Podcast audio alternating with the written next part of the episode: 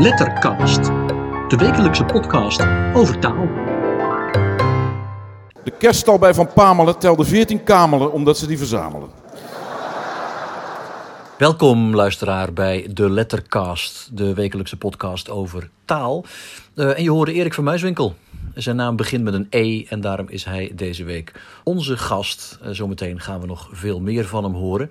We gaan het ook hebben over oogrijm. Dus rijm dat op het oog rijmt, maar in werkelijkheid nou, eigenlijk niet echt. Maar we beginnen, zoals gebruikelijk, met een huppelende bijdrage van Wim Daniels. Beste mensen, mijn bijdrage van deze week aan de Lettercast gaat over Huppel Nederlands. Huppel Nederlands is vrolijk stemmend Nederlands. Je hoeft soms niet eens te weten wat de betekenis van een woord is. Door de klank en de vorm kan een woord heel erg vrolijk stemmen. Ik geef een paar voorbeelden van huppelwoorden die tot het Huppel Nederlands eh, behoren. Althans, ik reken ze tot het Huppel Nederlands. Huppel Nederlands is nog geen bestaande term. Ik ben een paar maanden geleden zelf begonnen met het verzamelen van huppelwoorden. En toen heb ik ook de term huppel Nederlands bedacht. Ik hoop natuurlijk wel dat die term ooit in het woordenboek terecht zal komen. Maar voorbeelden van huppel Nederlands zijn uitroepen als hatsikide, okidoki. Veel klankwoorden uh, reken ik tot het huppel Nederlands. Klankwoorden, ook wel onomatopeeën genoemd. Dat zijn woorden waarmee je de klank van iets probeert te vangen komt een kind van de glijbaan af. Wat hoor je? Roets. En dat woord roetsen is dus in die zin een klanknabootsend woord, een onomatopee. Uh, tot, de huppel, tot het huppel Nederlands reken ik de klanknabootsende woorden knisperen bijvoorbeeld. Uh, babbelen hoort erbij. Um, andere voorbeelden van klanknabootsende woorden uit de uh, flora en fauna wereld. Fluitenkruid, de streepstil veldridder is een uh, schimmelsoort, de streepstil-veldridder. Wat fantastisch. Je ziet bijna het, de, schimmel uh, op zijn paard aankomen zetten. Uh, te zwaard, te zwaard roepend. Dan heb je een vlindersoort, de berkenspikkelspanner, vind ik ook mooi. Of de glansfazant. zijn van die prachtige woorden die ik tot het huppel Nederlands reken. Het is wel zo dat um, de betekenis soms het huppelkarakter in de weg kan zitten. Als een woord een negatieve betekenis heeft, dan kan de klank en de vorm nog zo aardig zijn, maar dan reken je zo'n woord toch niet gemakkelijk tot het huppel Nederlands. Mensen, ik doe dat zelf niet. Een voorbeeld is kakkerlak. Kakkerlak heeft een prachtige klank met die A-klinker, eh, omringd door eh, verschillende medeklinkers. Kakkerlak. Heel mooi, maar door de betekenis van het woord staat uh, dat woord ons toch op een bepaalde manier een beetje tegen. Het hoeft overigens niet altijd zo te zijn. Je hebt ook woorden die een negatieve betekenis hebben, een kleine negatieve betekenis, beperkte negatieve betekenis, die toch uh, een huppelig karakter hebben, die ik dan ook tot het huppel Nederlands reken. Bijvoorbeeld akkefietje. Dat is een kleine onenigheid, een probleempje. Ik heb een akkefietje met hem of haar gehad. En het woord is op zich dus niet positief, maar uh, misschien ook door de verkleinvorm van het woord, akkefietje. Uh, het woord komt ook alleen in die verkleinvorm voor.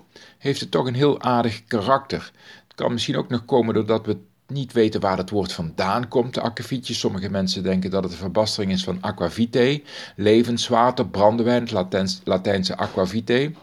Maar dat is toch ook niet zo heel waarschijnlijk, omdat um, ja, aquavitae, levenswater, brandewijn, heeft weinig te maken met de betekenis um, die akkefietje heeft. Uh, dus um, daar kan het ook aan liggen. Ik heb eens ooit een taalspel met akkefietje gespeeld via Twitter en Facebook. Konden mensen allerlei dingen insturen als verbasteringen van akkefietje. Kwam iemand aanzetten met uh, dakkefietje, een kleine daklekkage, akkefietje. Een klein gemakkelijk te verhelpen probleem aan een fiets. Een plakkefietje, een sticker op de kaf van een boek. Rakkerfietje is een dartele hond en Strakkefietje, dat is de overbuurvrouw op de sportschool. Uh, als je met een woord kunt spelen, geeft dat ook al snel aan dat een woord uh, ja, misschien wel vrolijk en huppelig is. Het leent zich gemakkelijk voor een spel. En huppel-Nederlands, dat is toch ook wel spelend, spelend Nederlands zou je kunnen zeggen, of speel-Nederlands. Um, je hebt ook bepaalde auteurs die veel huppel Nederlands hebben gebruikt. Ik noem misschien wel als eerste Marten Toonder.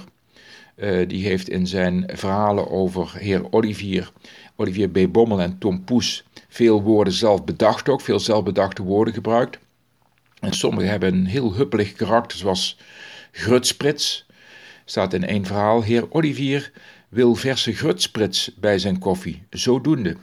Wat grutsprits dan precies is, dat, dat, dat weet je niet. weet je vaker niet bij uh, de, de woorden die Martin Toonder zelf heeft bedacht. Maar grutsprits is een fantastisch uh, woord, vind ik zelf. Uh, andere auteurs die veel Huppel Nederlands hebben bedacht. Stijn Streuvels reken ik daar zeker toe. Er is zelfs een heel proefschrift verschenen over de woordenschat van Stijn Streuvels. Hij zegt een dik proefschrift, tweedelig, met een enorme lange woordenlijst, met allemaal woorden die typisch Streuveliaanse woorden zijn. Stijn Streuvels heet eigenlijk Frank Lateur. Stijn Streuvels was een schrijversnaam. Ik dacht dat hij in 1969 is gestorven. En die heeft uh, veel prachtige woorden bedacht. Uh, Guido Gezelle is natuurlijk ook zo'n uh, Vlaamse schrijver, in dit geval een Vlaamse dichter, die bekend staat wel om zijn lichtvoetige woordgebruik. Als ik denk aan zijn gedicht Het Schrijverke. Het gaat over een watertorentje. Het Schrijverke is een watertorentje. Dat begint met de zin: O krinkelende, winkelende waterding met het zwarte kabotsken aan. Wat zie ik toch hier in uw kopje flink als schrijven op het, op het gaan. Nou ja, daar zit een soort van, van, van lichtheid in, speelsheid in, waar je niet omheen kunt. En uh, dat vind ik zeker um, tot het Huppel Nederlands uh, behoren. Heeft ook een gedicht geschreven, Guido Gezelle, Gierzwaluwen. Daar heb je datzelfde, dat de klank in feite de, de, de, de zwaluwen weergeven. Het gedicht gaat als volgt: piepende en kriepende, zwak en gezwind, haaiende en draaiende, rap als de wind, wiegende en vliegende, vlug op de vlerk, spoeien en roeien ze rings om de kerk. Prachtig, prachtig gedicht van uh, Guido Gezelle. In Nederland heb je iemand als, uh, nou ja, ik heb net natuurlijk al Maarten, to Maarten Toner genoemd, maar ook iemand als Anton Koolhaas. Die vind ik wel um, vaak huppelige woorden uh, gebruiken. Hij heeft veel dierenverhalen geschreven, Anton Koolhaas.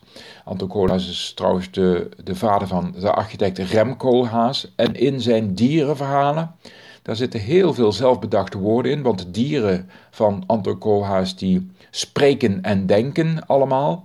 En die bedenken zelf ook vaak nieuwe woorden. En daar zitten vaak prachtige woorden bij. Ik moet ook zeker uh, Budding noemen. Uh, Cees Budding die uh, bijvoorbeeld dat fantastische gedicht De Blauwbilgorgel heeft geschreven. Ehm, mijn vader was een porgel, mijn moeder was een porulan. Daar komen vreemde kinderen van. Raban, raban, raban. Uh, ook Kees Budding is iemand wel die, die veel huppel Nederlands heeft geschreven, vind ik zelf. Um, ik ben er een boek over aan het maken over dat huppel Nederlands. En als je denkt, ik kan daar nog een bijdrage aan leveren, aan dat huppel Nederlands. Ik heb zelf woorden of zinnen die heel vrolijk zijn, die heel speels zijn, die, die tuimelen als het ware door de tekst heen, waar Wim Daniels misschien niet aan denkt, stuur ze me toe. Want ik ben dus met een boek bezig over Huppel Nederlands. Dat boek komt in februari uit, eind februari, begin maart. En ik ben nu met de afronding bezig. Ik heb nog ongeveer een maand om het af te ronden. Uh, stuur me die woorden toe, of die zinnen toe. Uh, liefst met bronvermelding natuurlijk als het om zinnen gaat. Want ook zinnen kunnen echt wel uh, tot het Huppel Nederlands gerekend worden. Dan springt er dus niet één woord uit, maar dan is de samenhang van de zinnen heel erg speels. Um, naar info info wimdaniels.nl Je kunt trouwens mijn e-mailnummer ook op mijn website vinden. En dan wordt dat woord of dan wordt die zin misschien in mijn boek Huppel Nederlands opgenomen. Dit was mijn bijdrage voor deze week over het Huppel Nederlands. Tot de volgende keer. Lettercast, de wekelijkse podcast over taal. Wim Daniels was dat over Huppel Nederlands. Nou, laat hem niet in de steek en help hem vooral huppelen. Dit is de vijfde aflevering alweer van eh, de Lettercast, aflevering E. En dus hebben wij een gast van wie de voornaam begint met een E. Hij is cabaretier, hij is taalliefhebber, hij is zeer verdienstelijk light verse dichter en hij heeft zich gebogen over zijn eigen naam. Hier is Erik van Muiswinkel. Mensen gaan naar hun naam staan. Voor de buitenwereld smelt je samen met je naam, of je wil of niet. Jonge, naamgevende ouders hebben een verschrikkelijke verantwoordelijkheid. En ik ben er nog genadig van afgekomen. Mijn naam is kort, lage woordwaarde, maar rijk aan betekenis. En hij begint met een E, wat een enorm voordeel is, want anders zou ik niet al als vijfde aan de beurt zijn geweest in de letterkast. De E is ook een calorierijke chocoladeletter. Je kan hem als kind al vroeg als blokletter op alle muren kalken. En de E betreft een letter welke zeer frequent het beeld der tekst beheerst. Een E-vertelsel bedenken en neerpennen ken men best snel. Erik schrijf je met een K. Je kan het wel met een C schrijven, maar dan moet je het verder zelf ook maar weten. Erik betekent rijk aan eer of heerser der wet. Een van de twee, maar niemand weet het zeker. Die Erik met een K dus is een oud-Noorse naam. Vikingen, plunderaars, verkrachters. Die heten vaak Erik, of eigenlijk Eirik met EI. Zolang ik mij herinner word ik al toegesproken als de fictieve Nederlandse stripheld Erik de Noorman. Losjes gebaseerd op een paar historische Eriks. Zo had je Eirik Routna, de rode. Een man die met ontbloot bovenlijf een complete kolonie op het barre Groenland stichtte. Ik geef het je te doen. En dat was bovendien ook precies wat hij van tevoren van plan was. Toen hij in een houten notendop van huis in IJsland vertrok.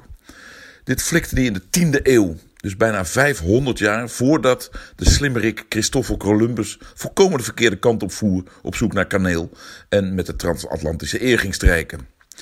Een nog oudere Eirik beleefde enorme avonturen als tweede koning van Noorwegen, Eirik Blodax, ofwel Erik Bloedbijl, de zoon van Harald Veelhaar. Je kon een boel zeggen van de vikingen, maar als je met ze kennis maakte wist je meteen wat je aan ze had. Erik Bloedbijl verdiende zijn eretitel door vijf van zijn broers te vermoorden. Dat moest in die tijd, anders kon je geen koning worden. Het merkwaardige van de naam Erik nu is dat hij ook het achtervoegsel vormt van een hele reeks woorden die er al evenmin om liegen als Erik Bloedbijl. Slimmerik is nog de mildste, maar vaak is toch, wordt dat toch sarcastisch gebruikt. Oh, heb je het ook door, slimmerik? Braverik lijkt positief, maar is het natuurlijk ook niet. Stouterik valt ook nog mee, maar viezerik is veruit de meest gebruikte Erik. Op de voet gevolgd door botterik, lomperik, fouterik, slechterik en valserik, sufferik, dommerik en bangerik. Naar de woorden sympathiekerik, redelijkerik en gullerik zoekt men in onze taal vergeefs. Aangezien al die woorden volgens de taalkundige dokter Kipping zijn ontstaan uit samentrekkingen van de historische personen Vieze Erik, Botte Erik, Valse Erik, Bange Erik enzovoorts, moeten we aannemen dat een een Erik sowieso weinig goed kon doen in de vroegmoderne tijd. Werd later niet veel anders. Mijn middelbare schoolgenoten vulden de collectie moeiteloos aan met masturberik, geileberik en hysterik. In onze Gallische periode weer verder verbasterd tot onanerix, copulerix en andermansverix. Ik troost me maar met de gedachte dat er geen voor- of achternaam te verzinnen is waar pubers geen smeerlapperij mee uit kunnen halen. En na al die vikings en andere rotzakken klamp ik me maar vast aan het schitterendste aller eetbare organen. Dus wees.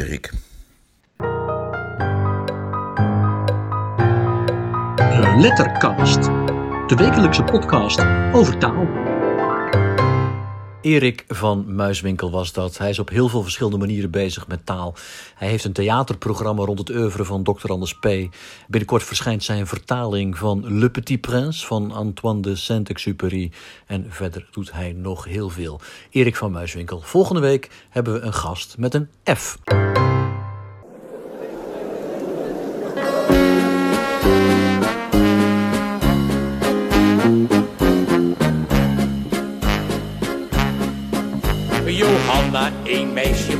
17 jaar, dat was er zo'n aardig ding. Maar zij had op het gebied van de liefde totaal geen ervaring. Zij was een aardig meisje, bedrijvig als een hen. Zij diende bij een goede familie als meisje voor halve dagen. Johanna, Johanna,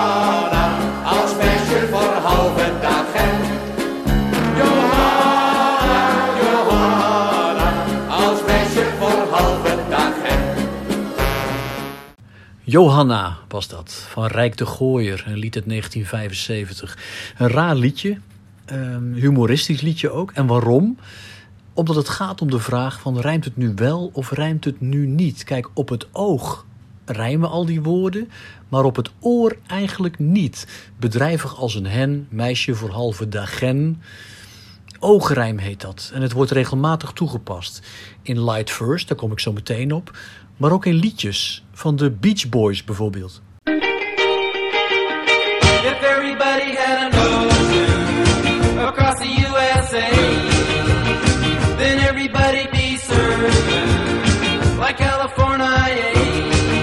Surfing USA was dat uit 1963. Uh, in het Engels dus, uh, California. Dat werd natuurlijk als een gimmick gebruikt. Uh, USA, California. Op het oog rijmt het. En ze zingen het dan zo dat het op het oor ook rijmt. Dat komt vaker voor, ook in gedichten.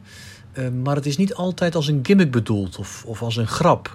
Uh, Shakespeare bijvoorbeeld, die schreef het 18e sonnet. Shall I compare thee to a summer's day? Thou art more lovely and more temperate. Rough winds do shake the darling buds of May, and summer's leaves have all too short a date. Temperate en date, dat rijmt nu niet. Ja, op het oog wel, temperate en date. Maar in de tijd van Shakespeare rijmde het wel degelijk. Toen zeiden ze ook gewoon temperate.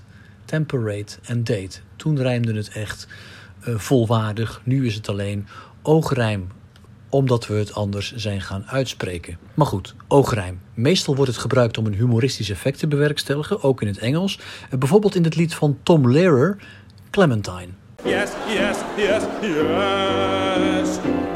Love she and she loves me, and raptured are the both of we. Yes, I love she and she loves I, and will through all eternity. See what I mean? Ja, she loves I to all eternity. Dat wordt natuurlijk bewust gebruikt om uh, een humoristisch effect te bewerkstelligen. Tom Lehrer was dat. Uh, geweldige Amerikaanse ja, wiskundige en songwriter. Hij, hij leeft nog steeds. Hij is 1 of 92. Uh, heeft briljante liedjes gemaakt. Zoek hem maar eens op. Lehrer, L-E-H-R-E-R. En uh, dan zie je wat voor een geweldige rijmen die allemaal in petto heeft. Goed, oogrijm. In het Nederlands zijn er ook heel veel voorbeelden. Bijvoorbeeld dit van Ivo de Wijs, het gedicht Aan de vrouwtjes. Aan de vrouwtjes. Toe bespaar mij het gehaspel van het voorspel en het naspel. Of deze. Na bijna 4,5 jaar zangles kwam er een tophit voor De Bangles. De mooie meisjes zongen samen het stemmige Eternal Vlamen. Engels en Nederlands is toch al een mooie combinatie. Zeker met al die managementtermen die we hier hebben. Eh, dat leidt bijvoorbeeld tot mijn gedicht Manager. Tegenwoordig is mijn slager Salus pork- en beefmanager. Dus hij is enorm op dreef met de Salus van de beef. Maar ook varkensvleescentrales kennen hem wel van de Salus. Ja, mijn slager heeft bij Vlagen heel wat Salus te managen. Het gedicht Manager komt uit de bundel Bravo geroep en enthousiast gefluit. Is net uit, maar ik zal er verder geen reclame voor maken. Dat die overal verkrijgbaar is en zo. Voor maar 17,50. Goed, er staan verschillende oogrijmen in. Uh, bijvoorbeeld dit. De chefkok straalt om het geglinster van zijn eerste Michelinster. Bijvoorbeeld. En deze natuurlijk. Engelstalige gedichtjes, dat is ja. heel verleidelijk. Dan lijkt het soms te rijmen, maar dan rijmt het uiteindelijk net weer niet. Weet je wel, bijvoorbeeld... Uh, op de tennisclub in Bavel sloeg ik ballen op het gravel. Uitkijken. Vroeger zo'n Bredaanse dame of ik zin had in een game. Ik zei ja, want ik dacht dat ik het wel kon winnen bij mijn racket. Ingesmeerd met vaseline stond ze bij de baseline. En opeens sloeg die Bredaanse een verschrikkelijke azen. Ik dacht zo, dat is een grove, is het zomaar 15 loven. Na een stelletje onheuse harde klappen stond het deusen. Hup, er kwam zo'n onkieze oor, verdovende service. Die was uit, helaas. De vierema partijdige een pieren bleek een blinde en een trage. En zij stond op pad van tagen. Ik, riep, uh, ik riep, kijk maar uit, je oude zak, want ik ga meppen met mijn bakhand. De umpieren zijn toen kattig, dame gamen zet en mattig. Dus je moet heel erg uitkijken met Engelstalige, Engelstalige sporten. allemaal oogrijm. Het rijmt niet echt alleen op het oog, maar als je dat vervolgens precies zo uitspreekt, krijgt het een humoristisch effect. En om dat te bewijzen, kom ik tot slot nog één keer terug bij Erik van Muiswinkel. Want die heeft een hele reeks van dit soort oogrijmen gemaakt. Hij heeft ze bijvoorbeeld laten horen op de Lichte Gedichtendag, de jaarlijkse grote Light dag, eind januari. Uh, deze was in Tilburg en omdat zijn naam begint met een E, sluit Erik de letterkast van deze week af. Uh, leuk dat je luisterde weer en graag tot een volgende. Hier is Erik van Muiswinkel. Ik heb voor een aantal kwatrijnen meegenomen. Ja, ik heb daar echt mijn best op gedaan onder de echte rijmers. Ik ben maar een cabaretier. Ik, ik, ik doe mijn best. Ik, ik zal echt proberen het zo goed mogelijk uh, te redden, maar het is, het is niet makkelijk. Het eerste gedicht heet Hannibal voor de poorten. Te paard nu, staakt het loos vergaderen. De vijand is de stad aan naderen. Laat snel iemand wat plannen opperen. Men hoort hun ruiters reeds galopperen. Dan gaat het al fout. En dat je die paarden eerst moet zadelen is zeker één van hun grote nadelen. Het gaat niet, het gaat niet werken. Het gaat niet werken. Oproep. Wie wil in deze zwarte Trumpiaanse tijden mij helpen om het kwaad te gaan bestrijden? Ik zoek kortom naar heel veel anderen om buiten leuzen te gaan skanderen. Dr. Jekyll en Mr. Hyde. Ik ben getrouwd, ik heb verstand, toch zoek nog steeds mijn duistere kant per laptop s'nachts naar iets pervers op een der duizenden servers. Surfers, godverdomme. Ik had Ivo er naar moeten laten kijken. Apokrief. In de oudheid liep Jezus vaak door de woestijn. Een plek waar het s'nachts al wel koud pleeg te zijn. Zodat Petrus en Paulus, toch beide apostel, zich kleumend oppopten tot innig homostel. Homostel.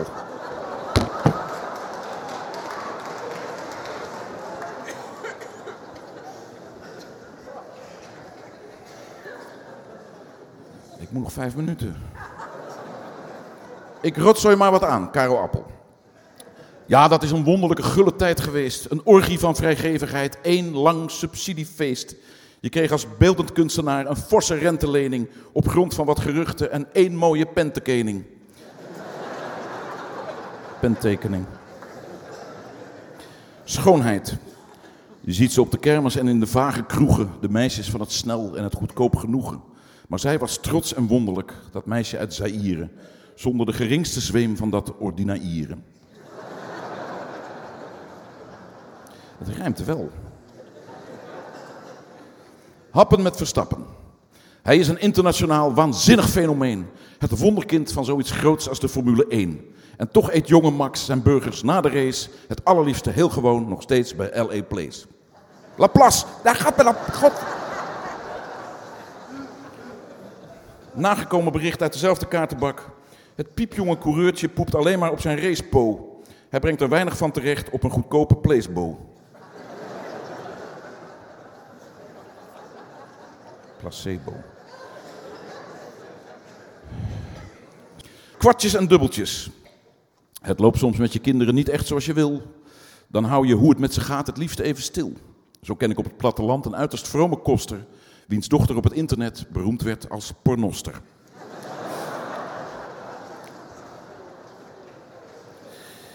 De oude Griekse mythen zijn genadeloos en bloedig. Het mensenlot is ongewist. De goden nooit goedmoedig. Bij Hades in de onderwereld woont Persephone. Daar helpt geen lieve moeder aan en geen pripéfone. Wat wij vroeger lekker vonden. In de kantine was het ranja met een rietje. Aan het strand een zure bom en soms een frietje. Maar in het coole restaurantje van Ikea bestelden wij van ouds alleen maar Iced De kerststal bij Van Pamelen telde 14 kamelen omdat ze die verzamelen. En zeggen wij tot slot van harte proost. Dit is voor het Light Verse echt wat je noemt een boost. Dank u wel.